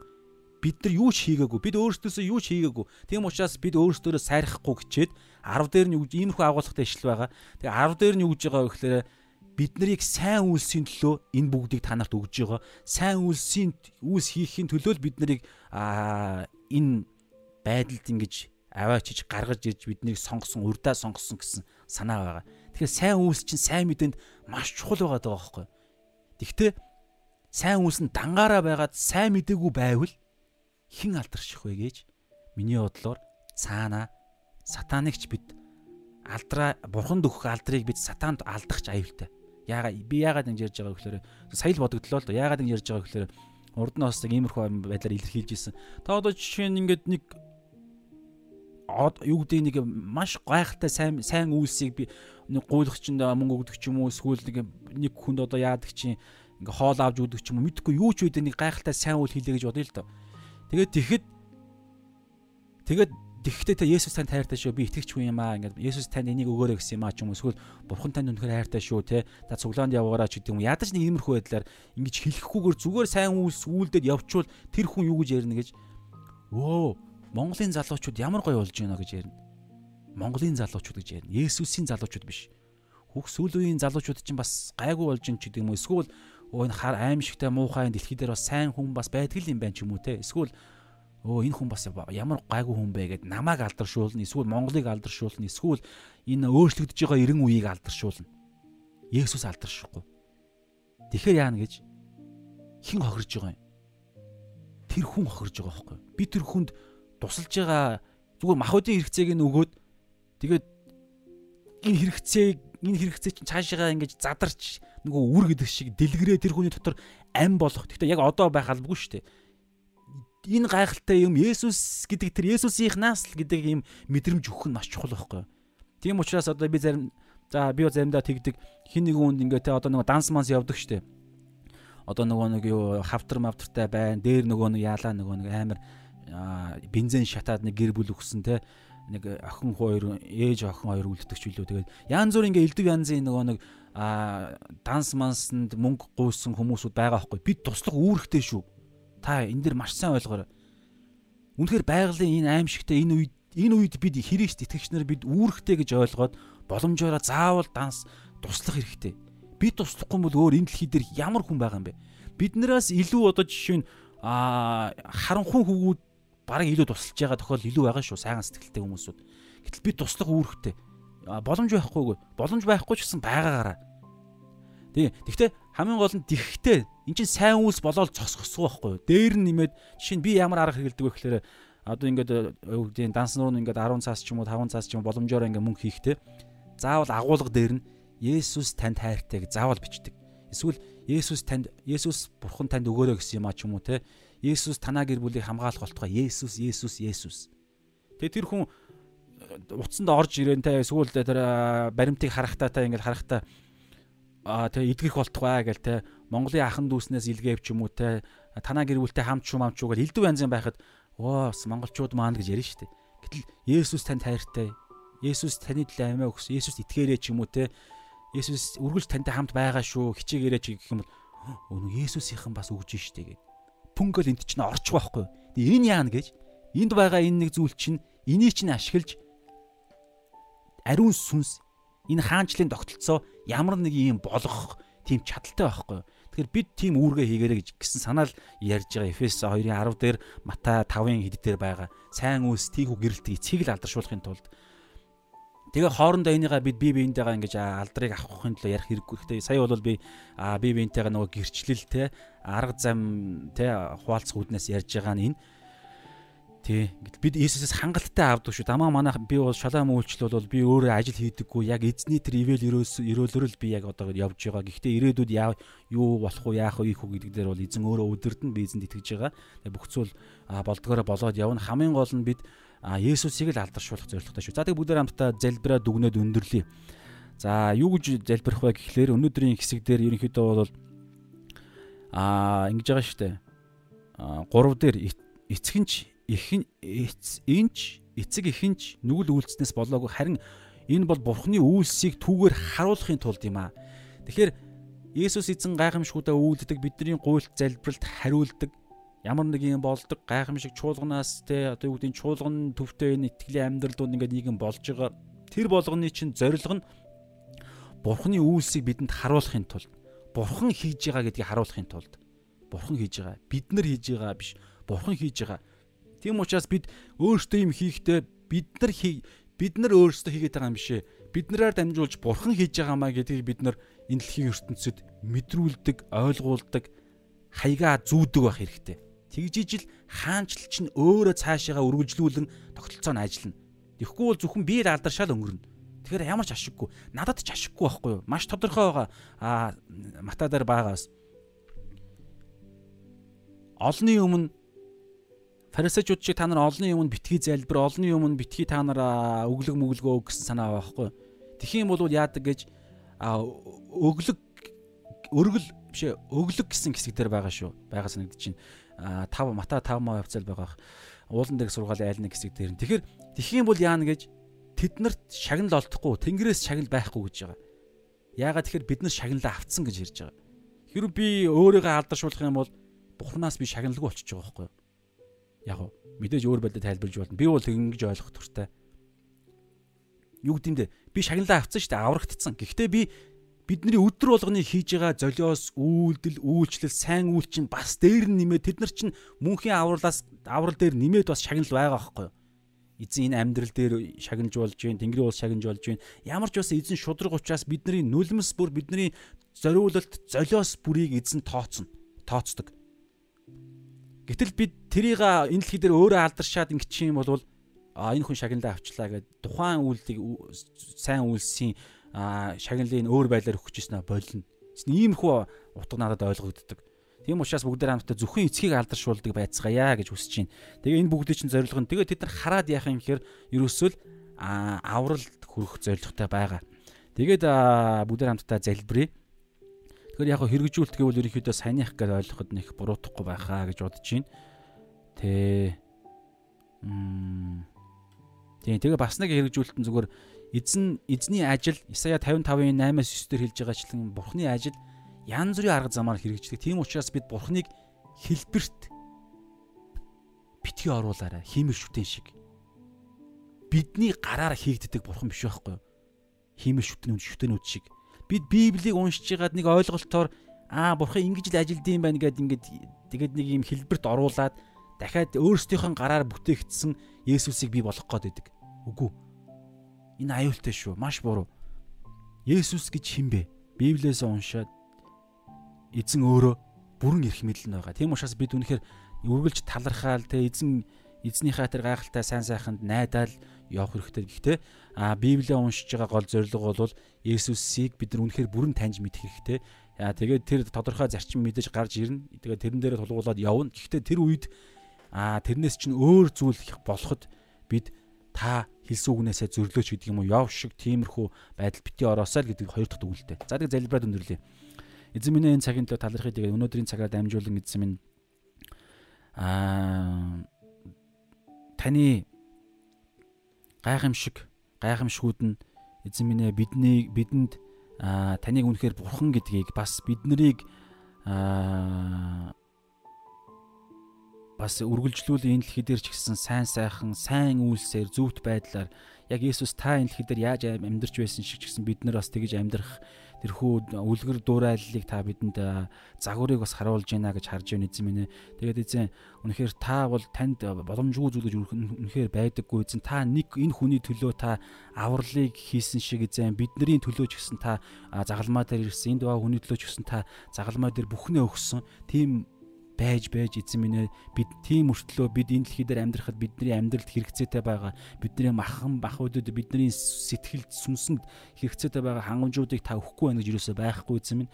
Тийм учраас та үргэлж өгдөг гэдэгт бид итгэдэг. Та энэ итгэлийн мань дагуу бас бидэнд өгсөөрч байгаа. Гэхдээ энэ өгөлт бүрийнх нь зорилго нь гэж байгаа. Тэр нь бидний итгэлийг дараагийн шатанд гаргаж итгэлээс нэг итгэлээс дараагийн итгэлд хөрвүүлж Тэгээд энэ бүгд тэгж хүчрхжүүлэх зорилготой. Тэгээд энэнийхэн зорилго нь хүртэл нэг цэвүүн цаг айсуу гэж та хэлдэг. Цэвүүн цаг айсуу тэрэнд бэлэн байхын тулд биднийг та бэлтгэсээр өгдөг үлээ эзэн. Өнөөдрийн цагийн төлөө талархыг хамт байсан хүмүүсийг минь та өрөөж өгөөрэй эзэн биднийг сорилтонд буу оруулаач бузар муугаас гэтлгээч эзэн минь бидний өдөр тутмын талхыг та өгөөч эзэн амьдралд минь хэрэгцээтэй байгаа бүх зүйлийг та мэддэг эзэн тэгээ таньдаа бид итгэж найдаж байна бидэнд төвчээрийг бидэнд танд найдах найдлагыг маань та улам илүү хүчрхжүүлээч Есүсийн нэрээр амен. За энэ цагт талархах хамт байсан хүмүүстээ баярлалаа. За ганц нэг санал дэвшүүлсэн хүмүүс байвал бүгд комент уншия. Ер нь бүгд манайхан хамт байна амен гэж байна. За за за хамт байсан хүмүүстээ баярлалаа. Бурхан алдар шиг гэж саки саки хэлж байна. За хамт байсан хүмүүстээ баярлалаа. Дараагийн цагаар уулзцгаая. А маргааш бүтэнсээ өдөр байгаа. Маргааш ерөнхийдөө бол байдаггүй. Гэхдээ байдлыг анзаарна. Би бас заримдаа хийх хүсэл төрдөг. Тийм учраас маргааш аа ямар нэгэн те онцгой зүйл гарчихгүй бол би бас хийхийг хүсэж байгаа. Ер нь бол бүтэнсээ өдөр нэг явахгүй байгаад байгаа шүү. Тэгтээ маргааш би хийхийг хүсэж байна. За тэгээд бүгдээр хамтдаа аа сайхан амарцгаагаарай. Оройг сайхан өнгөрүүлээрэй. За шалаа.